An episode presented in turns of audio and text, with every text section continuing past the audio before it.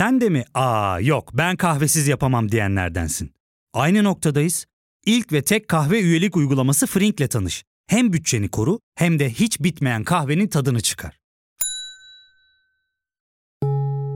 Yakınlarından terapinin onlara ne kadar iyi geldiğini dinlesen de kendin için bir şeylere başlamak zor geliyor olabilir. Ya da sevdiklerine yardım etmeye istekliyken kendi ihtiyaçlarını görebilmek.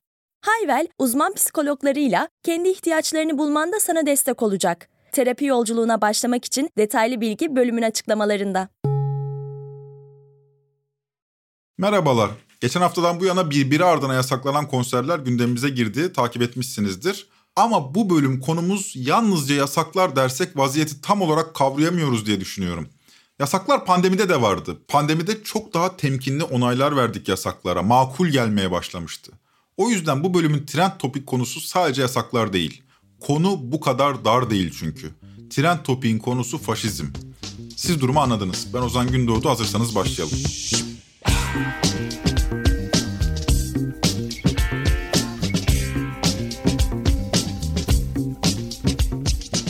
Sadece Mayıs ayı içinde önümüze düşen haberlerden size birbiriyle ilgili olanları sırasıyla ve hızlıca sunayım. Eskişehir'de düzenlenecek Anadolu Fest valilik tarafından yasaklandı. CHP İstanbul İl Başkanı Canan Kaftancıoğlu'na hapis cezası onaylandı. Derince Belediyesi Kürtçe şarkılarıyla tanınan Aynur Doğan konserini iptal ettiğini duyurdu. Sol görüşlü şarkıcı Niyazi Koyuncu'nun Pendik'teki konseri konserden saatler önce iptal edildi. Yunan kökenli şarkıcı Matius Sauridis'in Trabzonspor şampiyonluğu için yapılacak etkinlikte sahne alması hedef gösterildi. Ardından Sauridis etkinlikten çıkarıldı. Daha sonra Trabzonlu Apolas Lermi de durumu protesto etmek için sahneye çıkmayı reddetti. Bunun ardından onun da konserleri yasaklandı. Alevi kökenli protest müzik şarkıcıları Metin Kemal Kahraman kardeşlerin Muş'ta düzenleyeceği konser valilik tarafından yasaklandı. Bu esnada Aynur Doğan'ın Derince'den sonra Bursa'da vereceği konser de hedef gösterilip valilikçe yasaklandı. Isparta'da ise kadın hakları sorununda duyarlı şarkıcı Melek Mosso'nun konseri ahlaki bulunmadığı için hedef gösterildi ve ardından yasaklandı. Aynı etkinlikte sahneye çıkacak olan Derya Ulu, melek yoksa biz de yokuz diyerek sahne almayı reddetti. Ve cuma günü CHP lideri Kemal Kılıçdaroğlu'nun video mesajını yayınlayan TV kanalları hakkında Rütü'nün inceleme başlattığını duyduk. Bu akışı dinleyenleriniz belki yasaklanan şarkıcıları kimliğiyle birlikte anmama dikkat kesilmiş olabilir. Her biri için kimlikleri yüzünden yasaklanmadılar iddiasında olanlar da olabilir. Kimine politik kılıflar da uydurabiliriz. O halde teker teker açıklayalım. Önce en çok tepki çeken yasak kararı olan Melek Mosso ile başlayalım. Isparta Belediyesi kentteki gençlere bir anket yapıyor. Uluslararası Isparta Gül Festivali'nde sahnede kimi görmek istersiniz diye soruyor gençlere. Çıkan sonuçlardan yola çıkarak da bir derleme yapıyor. Fakat bu festival Isparta için özel bir etkinlik. Kent için Gül Festivali Ispartalıların gurur vesilesi. Kalbimiz o günlerde pek Ispartalı atıyor yani. O yüzden festivaldeki isimler Isparta'nın milli ve manevi değerlerine uygun hazırlanmalı gibi bir motivasyon içinde bir kısım Ispartalı. Bu motivasyonla festivalde sahneye çıkacak isimlerin açıklanması üzerine bir kısım insan araştırmalar yapıyor. Kim bunlar diye düşünüyor. İsimler Google'lanıyor. Fakat o da kim? Melek Mosso diye bir kadın. Neymiş onun meşhur şarkısı? Kapıyı çarptın, rakıyı döktün, ağzını bozdun, kediyi Biraz daha incelemekte fayda var diye düşündüler bu kesimler. Ama hayırlı, örfümüze, adetimize uygun bir tip olsa bu Mosso, rakıyı dökmeye bu kadar üzülmezdi dediler muhtemelen. Rakıyı döktün, kedi yüzdün, böyle şarkı mı olur? Araştırmaya devam ettiler. Derken o da ne? 2019'daki konserinde şöyle konuşmuş Melek Mosso. Açmak istiyorsanız açın. Konuşmak istiyorsanız konuşun. Kimsenin nasıl davranmanız gerektiğini söylemesine, nasıl konuşmanız gerektiğini söylemesine, ne yapmanız gerektiğini söylemesine ihtiyacınız yok kızlar. Sizin kendi kanatlarınız var. Kimsenin kanatları altında durmaya ihtiyacınız yok. Uçun. Aksini söyleyenlere babayı alırsın diyorum. Eyvah bu kadın Isparta'ya giremez, girmemeli. Isparta'yı bu kadınla tanıtamayız. Kimse Ispartalılara ahlaksız diyemez diye düşünen bir grup Ispartalı bir bildiri kaleme aldı. O bildiride şöyle deniyordu. Ahlaksızlığı özendiren hiçbir şarkıcı halkımız nezdinde sanatçı olarak kabul görmeyecektir. Bu ve benzeri şarkıcıların Isparta'mızda yeri yoktur. Milli ve manevi değerlerimize zarar veren, geleceğimiz olan gençlerimize kötü örnek olan bu konserlerin derhal iptal edilmesini Isparta halkı ve Anadolu Gençlik Derneği Isparta Şubesi olarak Isparta Belediye'mizden ve Isparta Valiliğimizden talep etmekteyiz. Bir derneğin adı geçti fark ettiğiniz üzere Anadolu Gençlik Derneği. Bu dernek Saadet Partisi ile yarı organik ilişki içinde, milli görüş ailesi içinde yani. Kısa adı AGD. Derneğin bildirisi AKP'li Isparta Belediyesi'nin ahlaki olmayan etkinlikler düzenlendiği iddiasıyla başlıyor. Melek Mosso konserinin de bardağa taşıran son damla olduğu söyleniyor. Ardından AKP'li belediye de bu konuda zerre kadar direnmiyor. Hay hay diyor AGD'ye. Melek Mosso konseri böylece iptal ediliyor. Yani aslında AKP'yi sağdan daha da İslamcı bir çizgiden eleştirmek isteyen AGD günün sonunda AKP'ye konseri yasaklattırıyor. AGD aklı sıra AKP'li Isparta Belediyesi'ni ahlaksızlıkla köşeye sıkıştıracaktı. Çünkü AKP'den daha İslamcı oldukları iddiasındalardı. AKP'yi sahte Müslüman olarak görüyorlardı.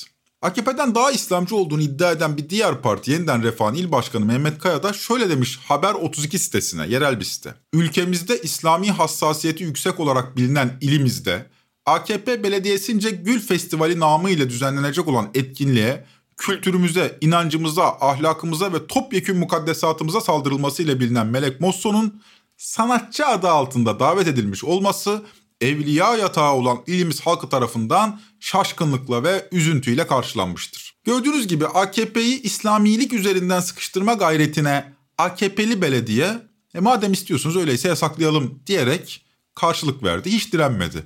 Artık istedikleri konserleri yasaklayabilecek güce erişmişlerdi. Daha ne istesinlerdi? Ben senin yaşaman için yapman gereken şeyleri söylüyorum. Hayır efendim yapmamam gereken şeyleri Aynı söylüyorsun. şey. İçki, sigara, gece hayatı, tereyağı, reçel, peynir, sucuk, bizim karı, bizim çocuk. İşte bütün bunlar yasak. Ya yaşamanın ne anlamı kaldı o zaman? Yeme, içme, eğlenme. Ulan sen ne biçim doktorsun be? Ben doktor değilim ki. Nesin sen? Ben hükümet sözcüsüyüm. Dinlediğiniz ikiliyi tanımışsınızdır. Deve Kuşu Kabare'nin Yasaklar oyunundan Zeki Asya ve Metin Akpınar'ı dinlediniz. Sahi politik mizah ne oldu? İsteyenler Trend Topik'in 133. bölümünü dinleyebilir. Politik mizah da baskı altında. Biz Mosso'dan devam edelim. Tabii çok tepki geldi yasak kararına. Tüm tepkileri okumaya zamanımız yetmez ama Nüket Duru, Mert Fırat, e, Cem Yılmaz, Zülfü Livaneli, Fazıl Say ve daha pek çok isim Mosso'nun yasağına tepki gösterdi. Mosso da şöyle tepki gösterdi yasağa. Ben bu ülkenin kadınıyım. Fikirlerimle, vizyonumla, hayallerimle her yeni gün geleceğe sanatımı işliyorum. Genci, yaşlısı, milyonlarca sevenim var.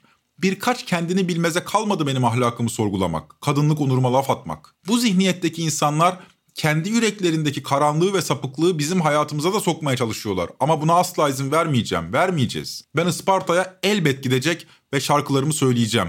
Bugün olmazsa yarın sarılacak kalplerimiz. Mosso yasağının hikayesi bize bir şeyi anlatıyor. AKP'yi daha sağdan sıkıştırmak üzere atılan adımlar günün sonunda AKP'nin yetkisini gücünü arttırıyor. Saadet ve Yeniden Refah Mosso konseri üzerinden AKP'ye yüklenmek istedi. AKP'li belediye de siz yeter ki yasak isteyin dedi ve Mosso'yu yasakladı. Zaten muhtemelen onlar da çok mutlu değildi Mosso'dan. Belki de tanımıyorlardı. Çağırarak hata ettiklerini düşündüler. AKP'yi İslamcı kamptan sıkıştırmaya çalışanlar olduğu gibi bir de milliyetçi kamptan sıkıştırmaya çalışanlar var. AKP'yi milliyetçi bulmuyorlar. Asıl milliyetçi biziz. AKP milliyetçi falan değil diyorlar. Hatta bu kamptan bazı isimler İslamcı kampın da karşısında olduğunu iddia ediyor. Birazdan dinleyeceğiniz hikaye de Melek Mosso'nunki gibi bitecek. Diğer bir yasağa geçelim. Aynur Doğan konserlerine yasak. Konseri değil, konserlerine. Burada hikaye çünkü biraz daha çetrefilli. Hadi başlayalım.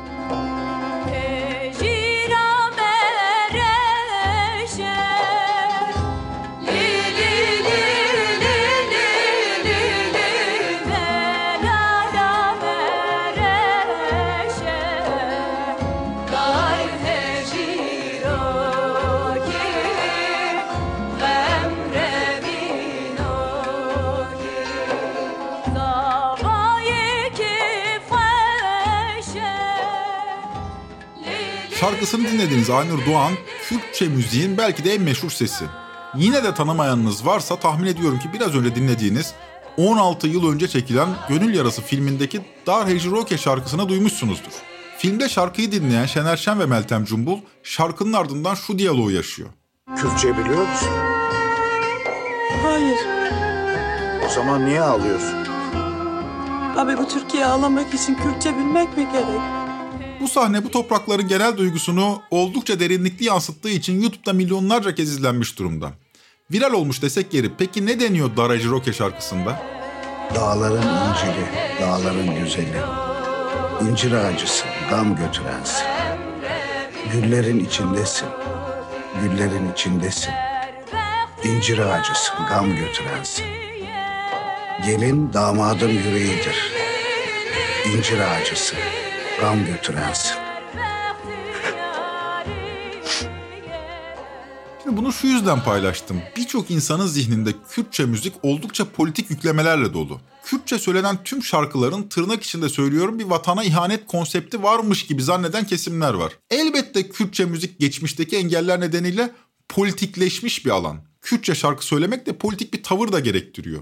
Fakat Aynur Doğan bu alanın dışına çıkmış bir isim. Twitter'ı sadece konser duyuları için kullanmasına rağmen yarım milyon takipçisi var. 2021 Vomex ödülü sahibi. Uluslararası ölçekte müzik otoritelerinin tanıdığı bir isim Aynur Doğan. Yılın sanatçısı seçildi. Türkiye'nin gurur duyduğu isim Aynur Doğan. Portekiz'de, Porto'da Aynur Doğan rüzgarı esecek. Dünya onu konuşuyor. Uluslararası e, Dünya Müzik Fuarı'nda da e, bir ödül almaya hazırlanıyor Aynur Doğan. 31 Ekim'de düzenlenecekmiş ödül töreni. Biz de tebrik edelim. İşte bu kişinin 20 Mayıs'ta Derince'de gerçekleştireceği konser AKP'li Derince Belediyesi tarafından yasaklandı. Konser salonu belediyenindi ama özel bir şirket tarafından kiralanmıştı. Fakat Aynur Doğan'ın konserinden rahatsız olan belediye başkanı bir bahaneyle konseri iptal etmeye kalktı. Derince Belediyesi'nin 15 Mayıs'ta yaptığı paylaşım şöyle. Duyuru. İlçemiz sınırları içerisinde özel bir firmanın yapacak olduğu konser organizasyonunun yapılan detaylı inceleme sonucunda uygun olmadığı tespit edilmiş olup etkinlik belediyemiz tarafından iptal edilmiştir. Şimdi dikkat ederseniz Aynur Doğan'ın ismi geçmiyor açıklamada. Zaten teknik bir açıklama, bir politik savunma yok ortada. Yani Aynur Doğan şöyle teröristtir, şöyle PKK'lıdır o yüzden iptal ettik denmiyor. Biraz gizli tutulmaya çalışılıyor. Başta kimsenin de zaten dikkatini çekmiyor bu açıklama fakat birkaç saat içinde iptal edilen konserin Aynur Doğan'a ait olduğu anlaşılıyor. İyi de neden iptal edilmişti? Aynur Doğan deyince onu tanıyan herkesin aklına gelen imaj belli. Kürtçe şarkı söyleyen meşhur bir sanatçı o kadar. Yapılan detaylı inceleme neydi? Öyle söylüyordu belediye. Bir bahane bulmak gerekmez miydi? 17 Mayıs'ta Habertürk yazarı Sevilay Yılmaz'la konuşan Derince Belediyesi Basın Yayın ve Halkla İlişkiler Müdürü Lokman Karaaslan artık izin alınsa dahi başkan bu konserin yapılmasını istemiyor çünkü bu iş sosyal medyada çok büyüdü dediğini aktardı. Gerçekten de çok büyüdü. Aynur Doğan'ın konseri niye iptal edilmişti? Muhalefetten de tepkiler yükselmeye başlandı. Aynur Doğan yıllardır Türkiye'nin dört bir köşesinde konserler veren bir sanatçıydı. Üstelik Türkçe de söylüyordu. Fakat onu tanımayan Derince Belediyesi konseri yasaklarken meselenin bu kadar büyüyeceğini düşünmemişti. Başkan da böylesini ummuyordu. Çünkü tanımıyorlardı Aynur Doğan'ı. Dediğim gibi dinlemeyebilirsiniz ama Kürtçe müziğin en meşhur sesinden bahsediyoruz. Bunun üzerine iktidar cephesi ciddi bir antipati topladı. Muhalefet de Derince Belediyesi'ne yüklendi. Kimi kesimlerin tepkileri ulusal ölçekte viral oldu. Mesela CHP milletvekili Nurhayat Altaca Kayışoğlu mecliste Derince Belediyesi'nin kararını şöyle protesto etti. Bu ülkede Every way that I can I'll try to make you love me again Every way that I can I'll give you all my love and then Every way that I can I'll cry, I'll die Make you mine again Söyleyebiliyoruz ama Hecir açıyor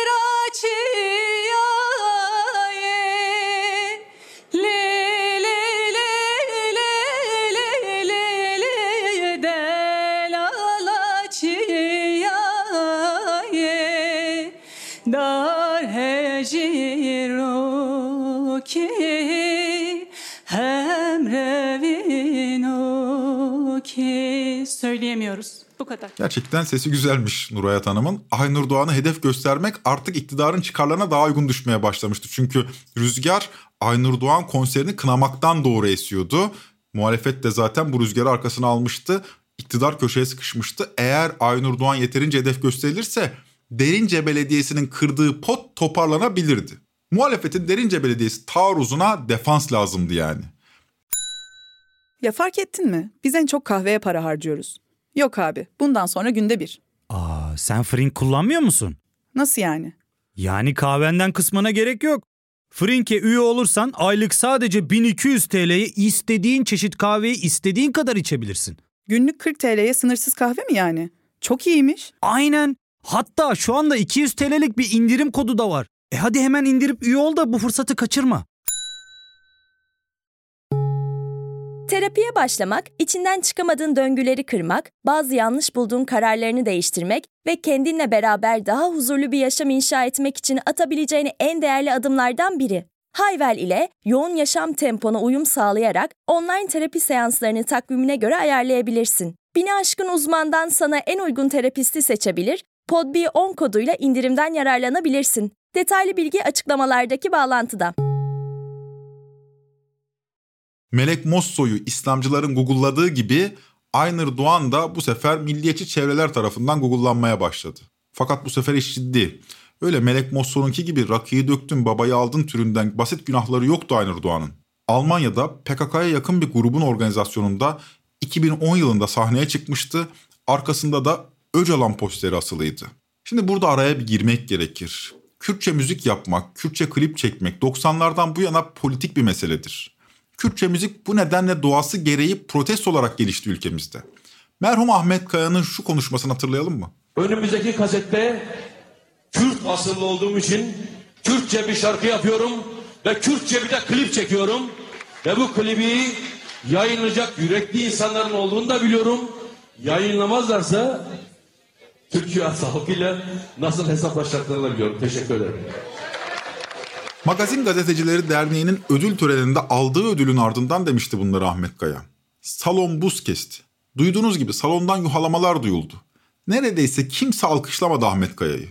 Çünkü Türkiye'nin o günlerde içinden geçtiği atmosfer kurşun gibi ağırdı. Bu konuşmayı 11 Şubat 1999'da yapmıştı Ahmet Kaya. PKK lideri Abdullah Öcalan'ın Suriye'den kaçtığı, yakalanmasının an meselesi olduğu, Türkiye'nin tümüyle bu konuya kilitlendiği yıllardı. Zaten 11 Şubat'taki bu konuşmanın ardından 5 gün sonra yani 16 Şubat 1999'da Abdullah Öcalan Kenya'da yakalanmış Türkiye'ye getirilmişti. Türkiye'deki milliyetçi rüzgar oldukça yüksekti. 1994 seçimlerinde baraj altı kalan MHP, Öcalan'ın Türkiye'ye getirilmesinden 2 ay sonra yapılan seçimlerde oyunu 10 puan arttırarak %18'e çıkarmıştı. Bu MHP tarihinde bir rekor. Ödül törenine geri dönelim. Bu konuşmasının ardından programda olduğu gibi ödül alan şarkısı Giderimi seslendirmeye başladı Ahmet Kaya. Bozar mı sandın acıları Belaya atlar giderim Kurşun gibi bir mavzer gibi Dağ gibi patlar giderim Şarkı da tabii bu vahim gecede çok manidar. Salonda hareketlilik hakimdi. Masalardan kalkan isimler küçük gruplar halinde mini kulisler yapıyor. Ahmet Kaya Giderim şarkısını söylemeye devam ediyordu. Bu esnada hareketliliğin farkına varan Ahmet Kaya dost bir eli tutmak için Kadir İnanır'ın yanına gitti. İnanır babacan bir tavırla gülümseyerek sıktı Ahmet Kaya'nın elini. Kendince onun yanındayım mesajı veriyordu salona. Kadir İnanır da gerilimin farkına varmıştı. Şarkının bitmesiyle küfürler, hakaretler işitilmeye başlandı. Ahmet Kaya masasına oturmuştu fakat ödül törenine devam edilmiyordu. Tüm salon Ahmet Kaya'nın masasına doğru bağırıyordu. İşler çığırından çıkmış, masaya çatal fırlatılmaya başlanmıştı. Masanın etrafını dolduran kameralar önünde Ahmet Kaya uzatılan mikrofona şunları söyledi. Güzellikler ve dostluklar adına söylemeye çalıştım ama insanlar nasıl algılarsa algılasınlar, algılasınlar. Benim kimliğimi kimden kimse alamaz. Böyle biline yani. Ben yıllarca bunu söyledim. Kürt ve halkları kardeştir. Ve yıllarca da böyle Ve biz yıllarca Türkiye'nin bölünmez bütününü savunduğumu söyledim. Binlerce yılda bölünmeyeceğini savunuyorum ama Kürt realitesini sahiplenmek ve kabul etmek zorundadır bu ülke. Bunu söylüyorum bu kadar yani. Salonda durulacak gibi değildi. Ahmet Kaya'nın dostları Savaş Ay ve Mehmet Aslantu, Ahmet Kaya ve eşi Gülten Kaya salondan çıkarken onun yanında olma cesaretini göstermişlerdi. Ama geri kalanlar hiçbir Ahmet Kaya'nın yanında değildi. Ahmet Kaya salondan çıkarken Serdar Ortaç bir anda sahneye fırladı ve Zafer şarkısı niyetine 10. yıl marşını söylemeye başladı.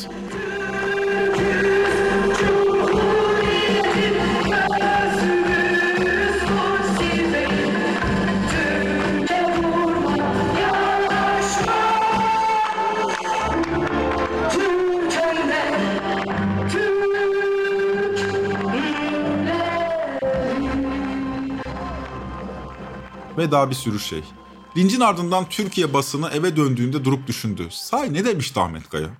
Yeni şarkımı Kürtçe söyleyeceğim, o şarkıya da klip çekeceğim. Ne vardı bunda? Bir histeri krizinde gibi değil miydik? Her şey bunun için miydi? Zaten Kürtçe şarkı söyleyenler vardı, yasak da değildi. Ne yapmıştık biz?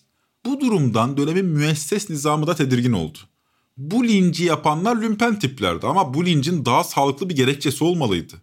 Bu haliyle kalırsa Kürt sorunu vardır diyenleri reddedemezdik. Yana yakıla arşivler karıştırılmaya başlandı ve aranan kan bulundu. Ahmet Kaya bir Bitlis konserinde albümlerinde olmayan bir şarkıyı söylüyor. Bu esnada dinleyiciler arasında sarı kırmızı yeşil bayraklar sallanıyordu. Şarkı Kürdüz ölene kadar, Kürdüz sonuna kadar diyordu.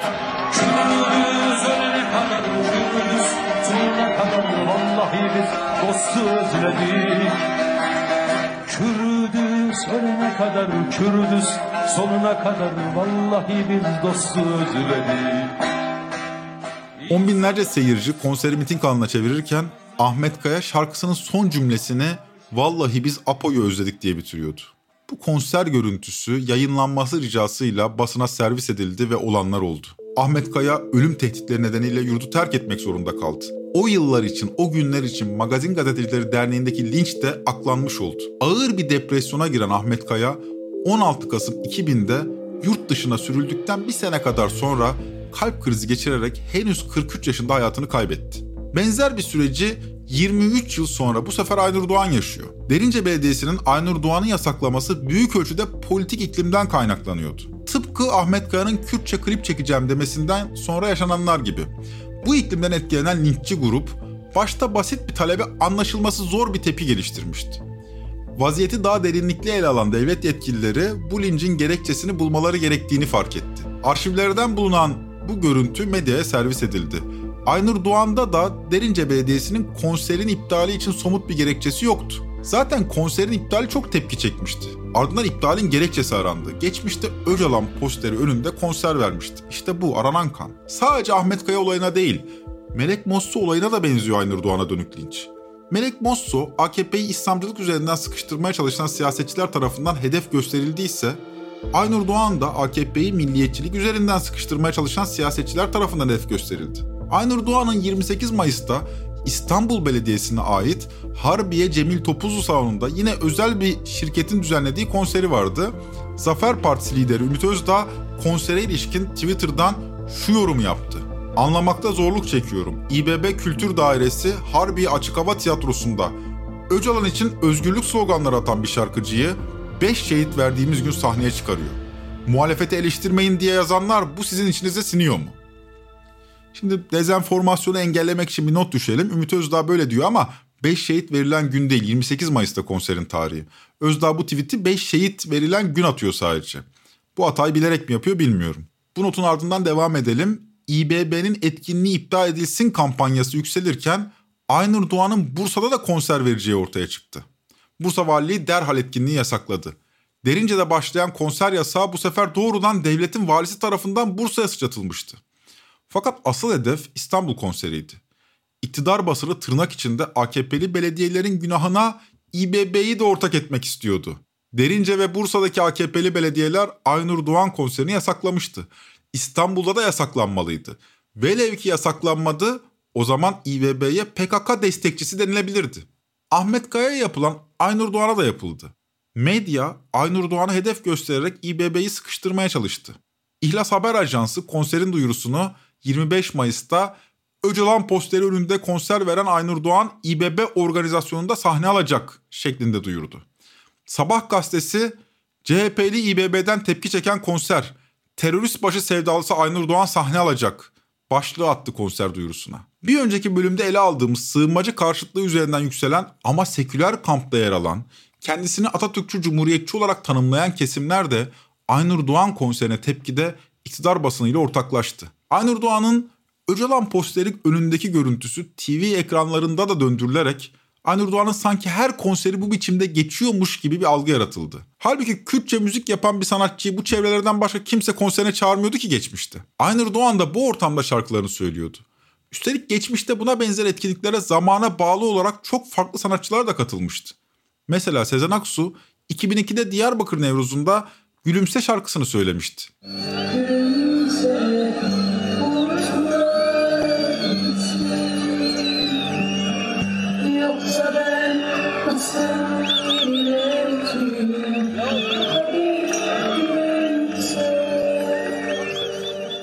Ama Sezen Aksu'ya yakıştıramadık bölücülüğü.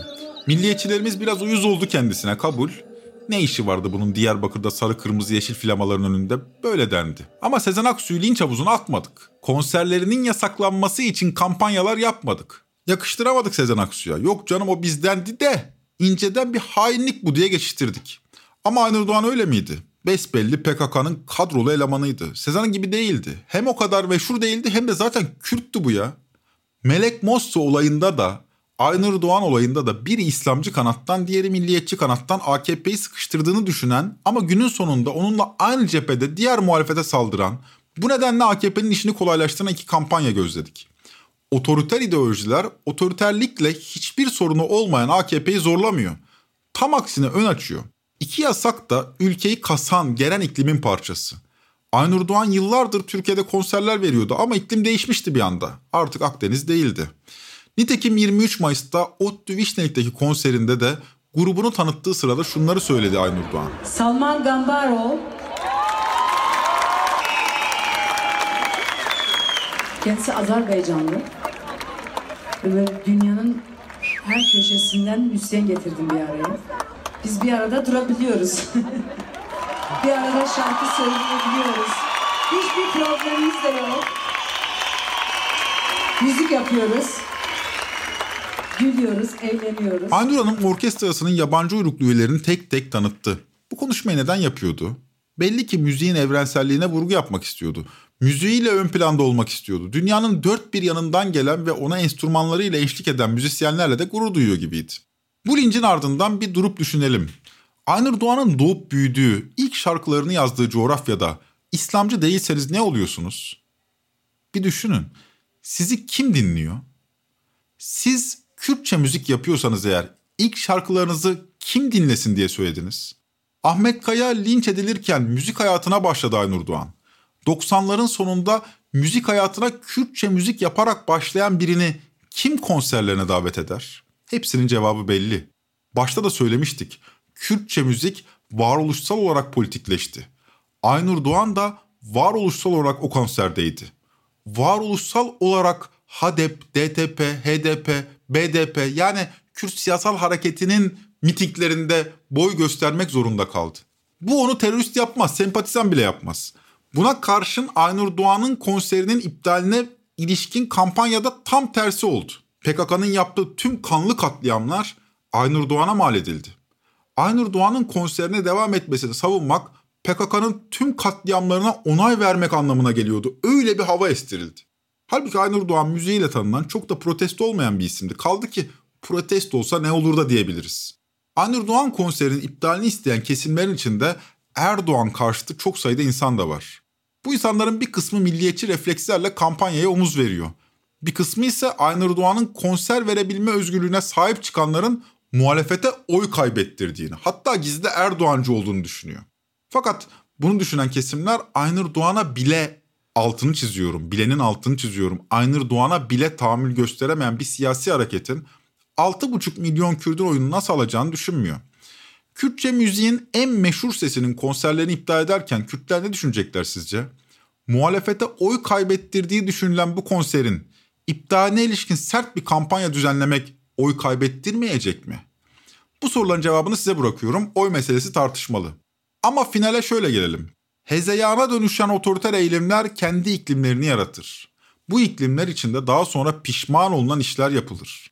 Gelin Ahmet Kaya'nın kafasına çatallar fırlatılırken sahneye fırlayıp 10. yıl marşı söyleyen Serdar Ortaç'ın bu olaydan 20 yıl sonra katıldığı televizyon programındaki açıklamalarına bakalım. Sene 2019. Kürt halkının sevdiği bir Kürt idol şarkıcısını 1900'lerde salaklığım yüzünden protesto etmişim.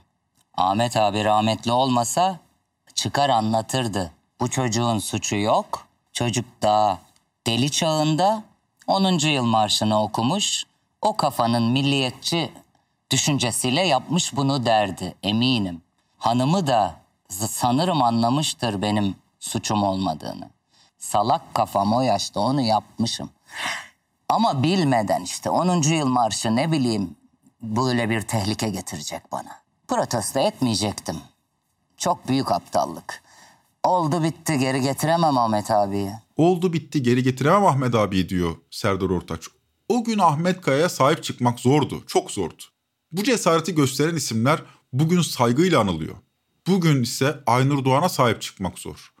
O gün sahnede bunları söyleyen Serdar Ortaç... Bu devirde kimse sultan değil Hükümdar değil Bezirgan değil Atatürk yolunda tüm Türkiye Bu vatan bizim